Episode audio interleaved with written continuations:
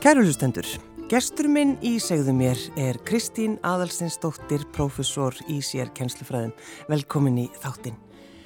Hvenar bakaður brúnköku fyrst? Ég var 11 ára. Mamma var uh, nýfarin að heiman.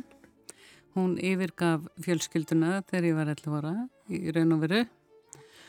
Og uh, ég gekk bara í þessi húsverk eins og það verði alveg sjálfsagt og ég man aldrei eftir því að mér hafi þótt það neitt íþingjandi mm. og eitt af því sem ég gerði var að ég bakaði e, brúntertu. Og svo sett ég á hana krem og það átti að vera kaffi í kreminu. Og e, um miðan daginn kom, e, vina, kom vinafólk pappa í heimsókn, ég var sem sagt hjá pappa og, bró, og bróður minn var á heimilinu. Vinafólk, við byggum þá í Keflavík, ég er alveg þar upp til 12 ára aldurs og Hallgrimur og Lóa setjast veldursporðið og pappi og ég og ég set þessa te tertu og svo er mér rosa fyrir dugnaðin að sjálfsögðu já, já. og uh, svo sé ég að Lóa verður svo einkennlegi framann þegar hún fær sér fyrsta bitan af tertunni já. og það komi ljós að það átt að vera kaffi í kreminu og ég setti bara kaffi duftið eins og það kom fyrir úr pakkanum. Já, beit maður í þá. Já, svo beit maður. það verður sennilega verið rosalega vond á bræði. Já, nákvæmlega. Já, en já. sko Kristi, mér langar svo að uh, spyrja þið út í mömmuðina. Já. Ertu, ertu til í það? Já, já, já, já.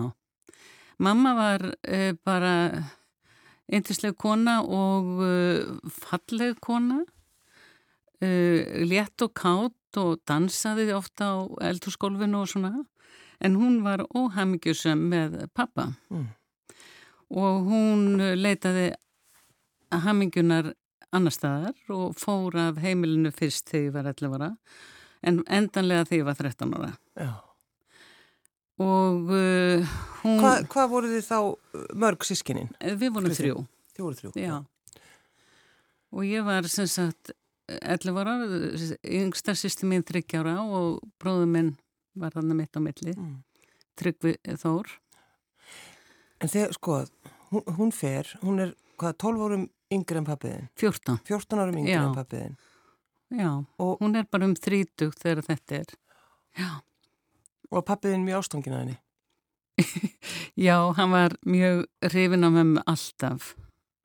Og uh, uh, hann, eh, ég veit ekki til þess að hann hafi nokkuð tíma komið nálægt annari konu mm. eftir þetta. En þegar að, þegar hún fer, Já. er mikið, sko, er mikið talað um þetta? Var þetta, Nei, var þetta mikið neyksli? Nei, ég man ekki eftir því. Nei, kannski þú er ekki Nei, ég held að ég hafi ekki verið með huganett við það. Nei. En uh, svo þegar ég er 13 ára, þá, eða sem sagt um vorið, þá flytjum við öll til Reykjavíkur. Mamma fær sér kallara í búð við Ránagötuna og pappi fer til sýstu sinnar á Hagamell. Og uh, ég, manna, pappi spyr mig, hva, hvar vilt þú vera? Viltu vera hjá mömmun eða mér? Mm. Og ég var alveg hiss á þessari spurningu sem ég var að vera hjá mömmu því hún getur saumað á mig född. Já. Og ég er hjá mömmu fram í, í janúar þetta höst. En þá gerist það að ég er að lesa fyrir próf, uh, hérna, já ég er að lesa fyrir próf og þau, þessi nýji ástmaður mömmu er og hún eru fram í eldhús, þetta var lítil kallaræðibúð og rakafyllt og viðbjóðsleg, mm. við byggum í stóra einbilshús í Keflavík, mikil breyting. Nefn að ég segi, viljið þið og ég segja það, Já. ég sagði viljið þið halda kæftið hana ég er að lesa fyrir próf og þá kemur þessi maður og slær mig niður og sparkar í mig og ég ligg þann á gólfinu og ég hugsa ég ætla að hlaupa út. Það er landafræðipróf. Á eftir þessu, svo er það mannkinsaga, ég þarf að ná þessum bókum og hlaupa svo út en ég hef ekki tíma til að fara í skó þetta var mjög skipulagt og ég hleyp út og hleyp nýra á Hagamel og kemur þar náttúrulega út grátin með þessar bækur undir uh, handakrygganum og uh, það náttúrulega leitt ekki vel út mm. og þetta fóru þetta fyrir barnavöndanemnd en ég uh, var, var hjá pappa eftir þetta. Hann kefti nokkru mánuðu setna íbúð í Kópói og ég bjóð þar í sjö ár. Mm. Þang til ég flytti til Akureyrar. En Kristín, hvað gerir pappiðinn þegar þú komst? Hann fór bent út með máið sínum uppötið til mömmu og ég veit voðalega lítið mm. hvað gerðist nema að daginn áður, kvöldið áður en hann pappi dó, þá ringir hann og hann var bara eins og hann hafi farið í sundi sitt og var alveg mjög friskur, hann var 90, að verða 92 og hann segir, ég ætla að segja þér eitt Kristín, segir hann að þegar Gunnar réðist á þig það, og ég fór upp, yttir, upp á ránagötuna þá kall, ringdi mammaðin í laurugluna og ég satt inn í, í klefa hjá lauruglunni í eina nótt. Þetta hafði hann aldrei sagt mér. Og, en hann talaði aldrei við mömmu eftir þetta sem segir eitt og annað sko, það voru engin samskipti. Mm. En hann segir mér þetta kvöldið áður en hann degir þannig var nú það. Já. þetta hljómar voru dramatíst fyrir mér er þetta bara þetta er dramatíst já, emitt, já, já. Það er það. En sko Kristín Aðarstinsdóttir hvað hva, hva gerður eftir þetta í tengslu við mömmuðina? Varst það hittur hann einhvern tíma eftir þetta? Nei, ekki neitt ég fermdist í april þannig eftir þá kom hún við í Dómkirkju og uh, grátandi og, og baði mig að vera góða við sig mm. og ég hafði bara engan þroska eða áhuga á því og þannig var þetta. Þú sagður bara nei? Nei, nei, nei og svo þegar ég kom út úr kirkunu þá sagði Tryggvi bróður Akkur, akkur varst þú svona eldröð í framann þegar þú var verið að ferma þig? Mm. Það var að því ég var skælandi. Já. En sko ég er ekki að tala um þetta sem, fyrir mér er þetta bara Þetta var, var öruglega erfitt á þessum árum en ég, ég hef oft hugsað um það að því nú er ég orðin 75 ára gömul kona og er frisk og res mm. að, að um, ég, hef oft hugsað af hverju hef ég alltaf uh, ég hef aldrei brotnað í rauninni sko en uh, ég hef kannski verið köld bara ítt hlutunum frá mér mm. Fólki þá líka? Nei, Nei. Held ég. En það er bara einhvern veginn sko, Mér finnst það... mjög mikilvægt að vera góð við fólk. Já, það, er það. Það er mjög mikilvægt. En að, að því þú segir okkur frá því að pappin ringir hann degin máður hann degir til að segja nokkurn veginn hvað gerðist. Mm. um, Mamma einn ringir eina páskana kringum 2000 mm. þá býrðu fyrir norðan með þínum manni Hallgrim Indræðsinni mm. Og hvað, þú segir kontu, Já, þá ringir maður mamma var svo oft uh, hérna, hún var svo oft uh, ósátt eða ekki ekki ánægð mm. og leið ekki vel Var hún einn þarna? Já, já, já Hún átti tvo sambilismenn held ég svona fasta síðar mm. nema að hún ringir uh, rétt fyrir páska og er eitthvað leið og ég segi mammin kontu norður og uh, verði hjá okkur yfir páskana og morgunin eftir er hún komin. Og mam, mér fannst mamma alltaf svo falleg. En hún uh, sem sagt ég gerði þessa viku sem hún var hjá okkur allt sem ég gatt fyrir hana. Við fórum út að ganga og ég man til dæmis þegar hún kom að páskaborðinu og klætti sér svo falleg og hún var svo falleg og þetta er svo góðar minningar. Hún var svo falleg og uh, uh, ég, uh, ég tók hann í nutt, laði hann upp á bekk og nuttaði hann og eitt og annað. Og einu sinni þegar hún fer úr þessu nutti þá segir hún Kristi mín getum við ekki glemt því gamla? Og ég lamaðist. Ég, gat, ég sagði ekki neitt. Mm. og mér finnst það leiðilegt en ég gata ekki. Ég gat aldrei alveg fyrirgefið. Nei, þannig að þú, þú þagðir bara. Já, ég þagði. Mér fannst þetta óstór bytti til að bara geta sagt já, já, ég glemur þessu bara. En, en þú ert góð við hana þarna, Kristín. Já, þó að já. þetta sé kannski eitthvað sem þú bara getur aldrei fyrirgefið. Já, þetta voru bara staðrindir þetta, þetta var bara eitthvað líf sem var svona. Já Svo fer hún. Já, en þrem vikum, sko, tveim vikum setnir hún látin. Datt niður og dó. Mm. og það er náttúrulega einhver uh, gjöf fyrir mig að ég skildi eiga þessa góðu daga með henni í lokin.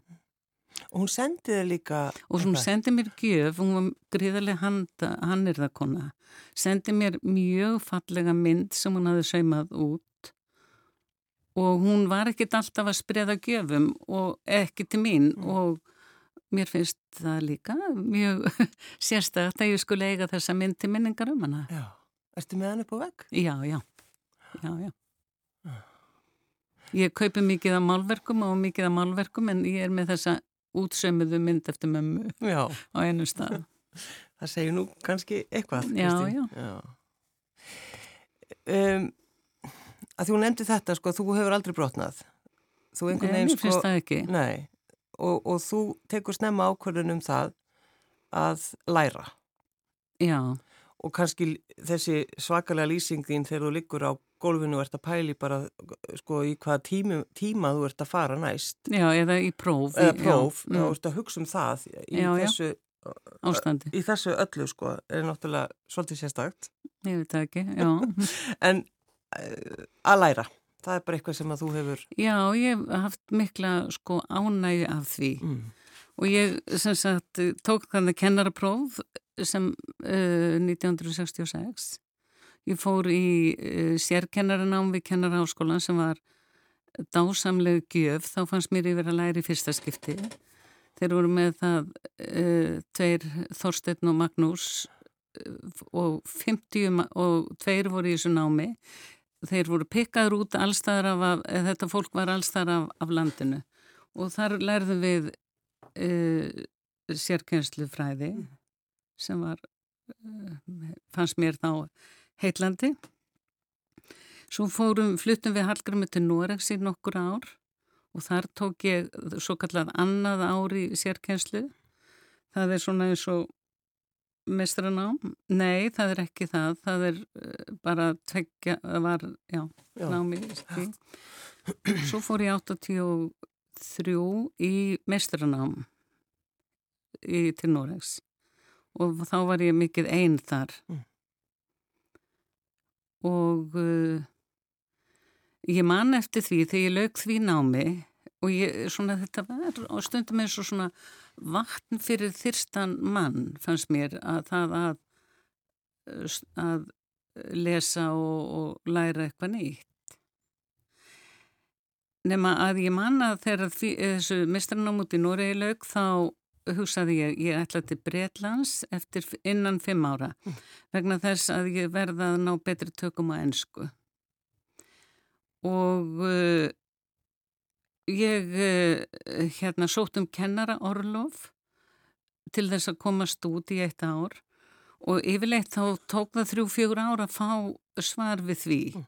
nema svo bara allt í einu þá fæ ég svar um að ég fái þetta orlof þetta var 1987 og ég hafði ekki sagt Hallgrimmi, manni minn, menn sem er frá því ég hefði sótt um. Ég er að fara til Englands? Já, nei, ég hafði ekki sagt hann frá því, nei. sko, að en það var ekki um neitt annað ræð en að fara.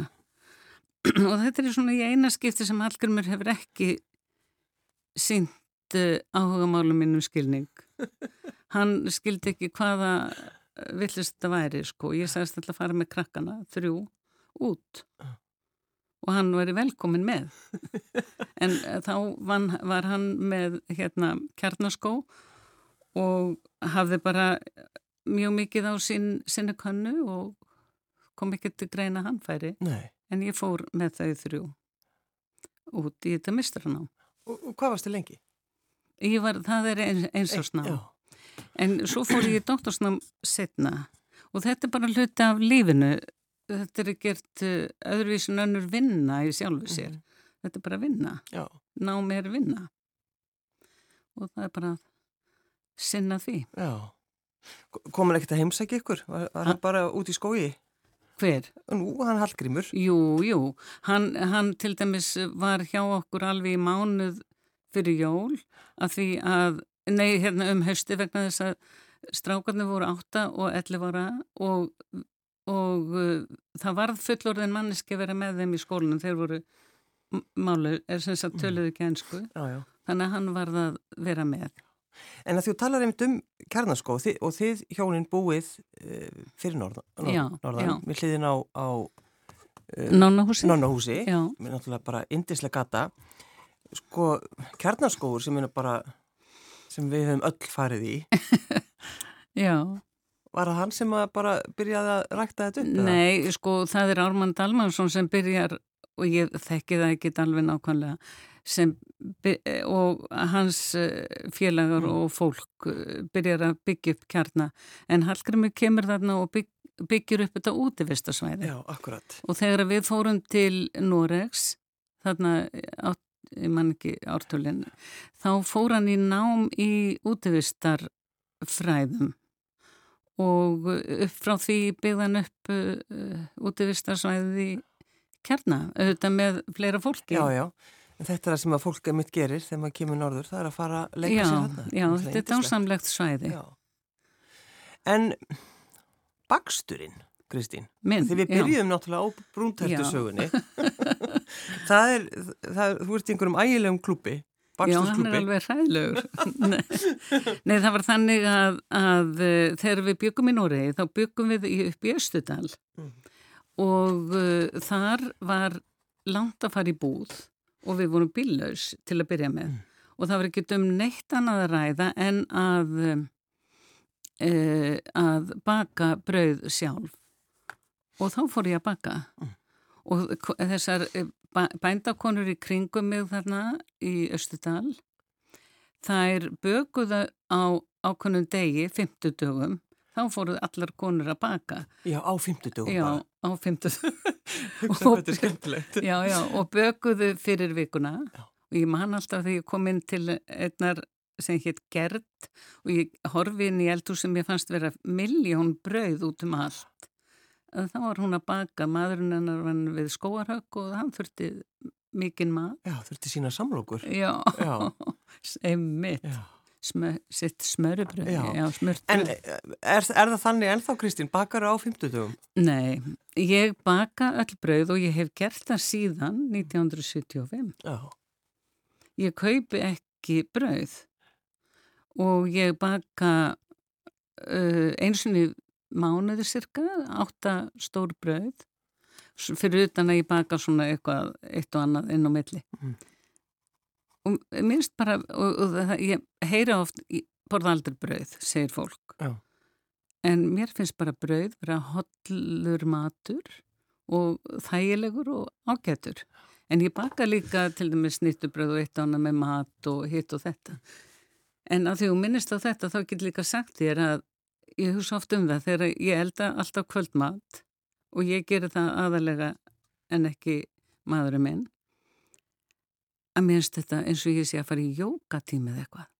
Mér er svo mikið unaðslegt að standa við eldurspekkin tína fram grænmetið sem ég ætla að hafa í kvöldmatinn og uh, skera það niður og veltaði því fyrir mér hvað fyrir vel með hverju og, og lítirnir og áf, snertingin, áferðin. Ég elska þessa stund. Mm. Ég elska það að elda mat. Og er þetta þá bara hvað, í kringum fimm leitið eins og Já. bara maður gerir? það er um fimm. Já, nei, ég segir svona, tíma, og svo bara leggja fallega á borð og eiga þessa rólegu stund. Viltu vera, Kristín, í friði í eldúsinu? Hvernig er það? Nei, mér er allt í lagi einhver komið annan álegt, sko. og ég minnst indislegt að bjóða vinnum og ætingum í, eða, í mat og svo framvegs. En, en þessi bakstusklúpur, er þetta, þetta stórklúpur? Já, ég held að það sé 6.300 í honum. Hvað segir það? Eða 400, ég maður ekki. Og er þetta þá bara ég, á netinu já, að fá... Þetta fá... heitir að baka bröð með Kristínu. Að baka bröð með Kristínu, og, og ég uh, geri, ég líti á þetta á hverjum degi kannski tímindur, svara spurningum og, set, og ég er ekki að setja inn fleiri, það er aðna 45 uppskriftir, það er alveg nóg. Er það ekki? Jú, það er, jú ég bara sáttu þetta sko. Já. Þannig að já, þú ert að svara að fólk er að senda þér kannski eitthvað og, og... En er þarna, kemur sko kennarin einhvern veginn upp í þessu? Já, ég held það. Ég held að það er enni eitthvað kennara blóð í mínum æðum, þessi þörf fyrir að miðla já. og segja frá. Ég held það. Ég held það, já. En hvað ertu búin að vera kennari, Kristín? Ég var kennari fyrst, ég flytt sem sagt norður tvítug og e, byrja að kenna við barnaskóla Akureyrar. Þá hafði ég verið vinnukonna tveim árum áður hjá Ármanni Dalmansinnu og Sigrúnu Kristjánsdóttur í innbænum Akureyri. Mm. Hún var e, lasinn eða ekki við góða helsu og þar kynntist ég Hallgrími.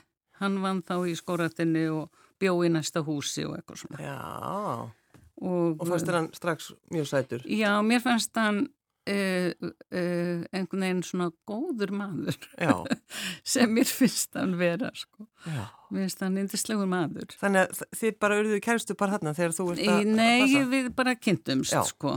og þegar ég kem svo aftur norður tvítug þá er hann út í Noregi sko. en hann kom að það heim um jólinn og þá náðum við saman. Mm, og komið og sagt, mannst ekki eftir mér. Já, e, og þannig að þú byrjar að kenna í barnaskólunum. Já.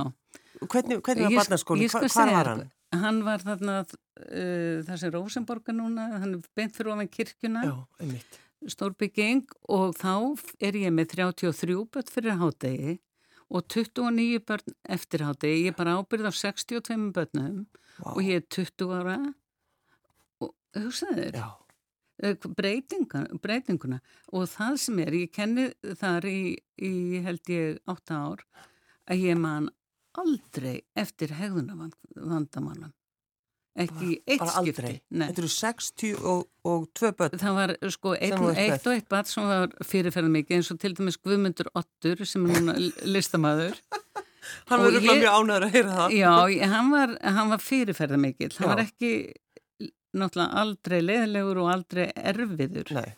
en ég setti hann bara í að tekna ég á stórkoslega myndir af honum að tekna hann síðan hefur hann ekki hægt hann teknaði til dæmis land, hann og Sigurjón vinnur hans þeir tek, uh, hérna, teknaðu gríðarlega stort uh, hérna, landakort af Breitlandi Já. með öllum smáatriðum inn á það tók þá að minnskosti tvær vikur Já en þeir eru bæði að lesa og skrifa og gera allt mögulegt annað. Já. Ég veit ekki hvernig okkur dætt þetta í hug, en, en sem sagt að hann var ekki lengi fyrirferða mikill, hann var bara... En sem sagt að hugsaði að þá er ég ein með 62 börn, núna eru tveir kennarar með hæstalegi 25 börn já, já. og hvart og hveina.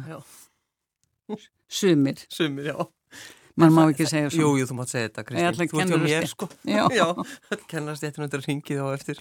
En ég menn, samt er alltaf að pæla í þessu, þú veist, hvað er þetta? Já, hvað er, hvað er gerst? Það fór allir heim í háttegin að borða. Já, já. En til dæmis, ég ætla að segja þér að ég, eh, svo kom stórrið, þarna fyrsta vetur sem ég var að kenna og ég hafði aldrei séð stórrið. Og ég fór í síðbúsur, svona svipar og ég er í núna. Já og þá er mér sagt að það sé ekki leifilegt að vera í síðbúsum í skólanum bara breytti tímar, er það ekki? Hvað er þetta að segja? En, en uh, það breyttist mjög fljótt en í Ótturaskóla sem er annar skóla á Akureyri, þar var það bara banna Að vera í síðbúsum? Konur máttu ekki vera í síðbúsum? Nei, nei Meira bylli En svo kannski var það hérna mann ég að að bara svona kannski 600 setna í þessum samaskóla þá var stuttbuksna tískan mannst eftir henni, eða hefur þið heyrtum hann? Ég, ég heyrtum hann þá kom Guðrún Hlín í, hérna, e, í stuttbuksum í skólan og þá gerði ég það líka Já. og svo vorum við bara í nælonsokkum og svo stutt og svo. Þannig að þetta fór mjög breytist rætt. En þannig ertu að kenna uh, ungum börnum, eða já, uh, grunnskóla börnum, en, en svo hvað? Já, svo kenni ég þannig svona uh, þessum stóru hópum í þrjú ár. Þá er ákveð, þá ákveður skólastjórin, Tryggvið Þorstinsson, að setja nokkra drengi saman í bekk mm. í pínu litla stofu sem var bara eitthvað tíu fermetrar eða eitthvað og saði að ég skildi ala þessa drengi upp ekki reyna að kenna þeim og þetta urðu algjör tímamóti í mínu lífi vegna þess að þetta, þetta voru Þarna voru tveir uh, drengir með þroskahömlum og minnskosti fjórir afburðagreindir. Mm. en þeir voru, uh, hegðuðu sér ekki eins og þeir átt að gera. Og ég kendi þeim í tvö ár og það var til þess að ég fór í sérkjenslu nám vegna þess að ég kunni ekkert að kenna þeim sem ekki lærðu sjálfkrafa skilur þau? og þetta, þetta, er svo, þetta er svo einfalt og augljóst. Ég er með tíu stráka og ég kunni ekki kenna þeim. En ég gæti verið góð við þá og ég var það öruglega. En hérna þessir drengir, ég hef sko fylst með þeim, þeir hafa allir spjarað sig ákaflega vel. Og það er bara indislega tilugsun. Mm -hmm. Og það, er ekki að segja sem ég er að þakka, en þeir, alls ekki en þeir uh, já og eitt skemmtilegt sem gerðist þarna að því vorum að tala um klæðaburð kjenslukvenna, ég var alltaf í sama gráa kjólnum mm. svo fyrir ég á saumanámskeið mm. mætið daginn í kjól sem var með skærgulur að ofan og með uh, köplóttu pilsi að neðan og þá bara var þöggun í stofunni allan daginn það var svo dásanlegt að fá kennslukonin í öðrum fötum. Það var svo smart. Maður var ekkert alltaf að skipta um föt. Nei, nei, nei, nei. Ég held að mamma hefði átt svona kjól. Já, það var alveg. Þetta er náttúrulega okay. indislegt. En síðan, sko, hefur, hvernig fórstu svo að, að kenna þeim sem vildu fara að, að kenna? Uh, ég uh, kendi við kennara á skólan í sex ár. Mm. Og það var fyrirkomulag sem að ætti að taka upp víðar því að þeim var kent í heimavistaskóm, hvernig var ég lýsu? Það var auglist námi sérkynslufræðum Já. og það yrði staðsett út á landi, þrísvara á ári átt þessi hópur að hittast og vera saman í tvær vikur.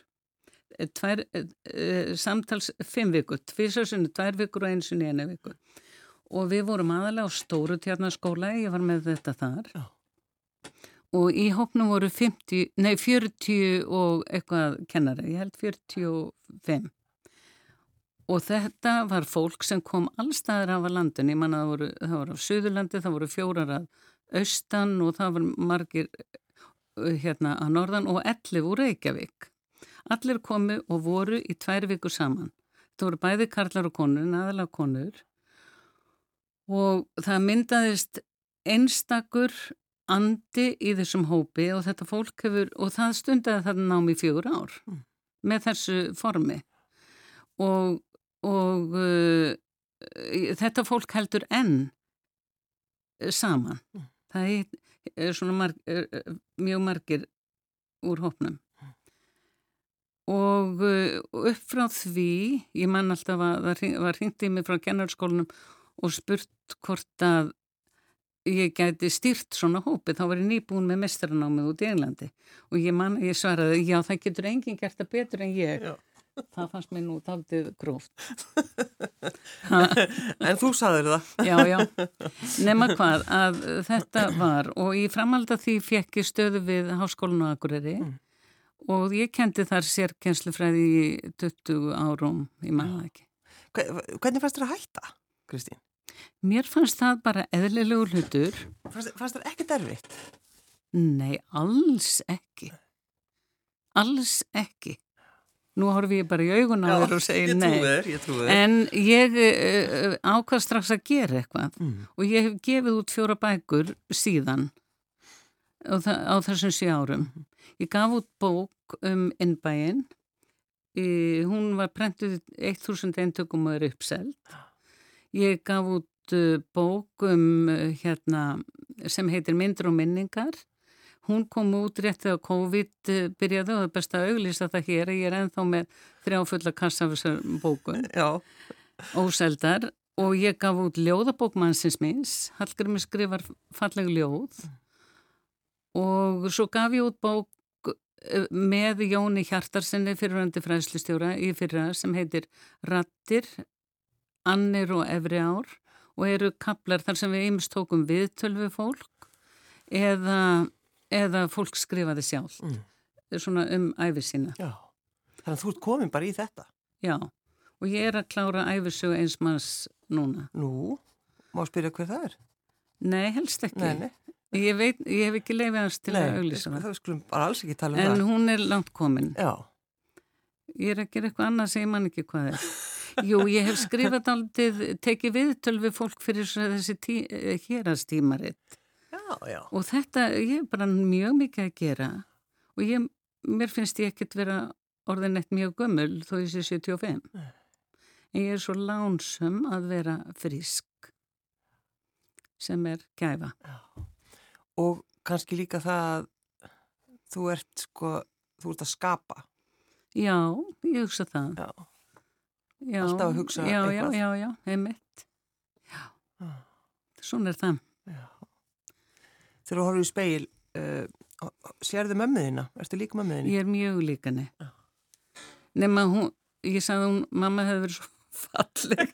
Það finnst mér ég ekki vera. En, ég hefði kannski ekki alltaf að spyrja. nei, en, en ég er bæði líka spikkingin og, og hún var svona ljósærð og, og mamma var falleg en ég er bara svona eins og ég er, er Talið því sískininn um hana? Nei, ekki mikið. Nei. En pappikar? Já, talsvert. Ah. Og kannski á ég, já, hann reyndist sko henni sískinn mínum líka mjög vel, þau voru talsvert hjá okkur sko. Já. Mm. Er þetta að vera aftur norður núna? Ég, nei, ég ætla að vera hérna, ég kom söðu til að fara í leikús. Já, já. Og uh, fór í gær og sá ástu, ég ætla að segja á uh, Úlfinn á morgun. Mm og eitthvað fleira. Indislegt. Mér er svo dásamlegt að koma til Reykjavíkur. Mér finnst það dásamlegt. Ég er líka dásamlegt að koma til Akureyrar. Já. það er svolítið þannig. Já. Kristín Adalsteinsdóttir, profesor í sérkennslufræðin. Takk fyrir að koma. Takk sem leiðis.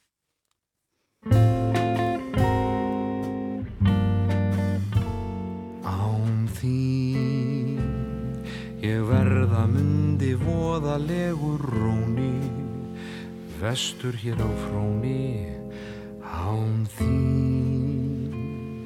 Ég sökva myndi sukk og svínar í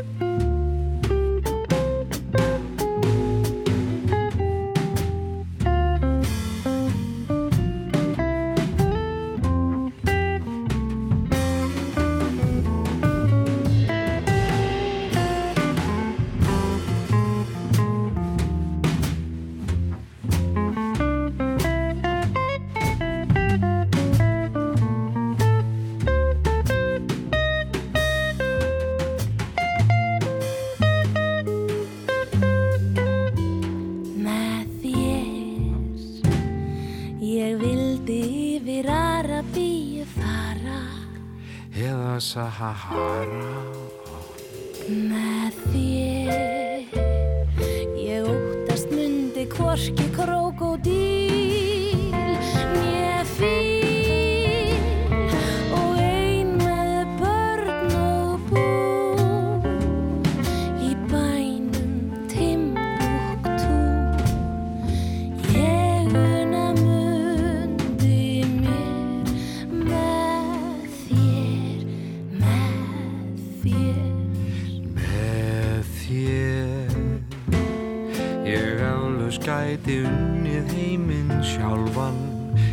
það minnst að hálfan með þér. Ég arkað gæti yfir norður bó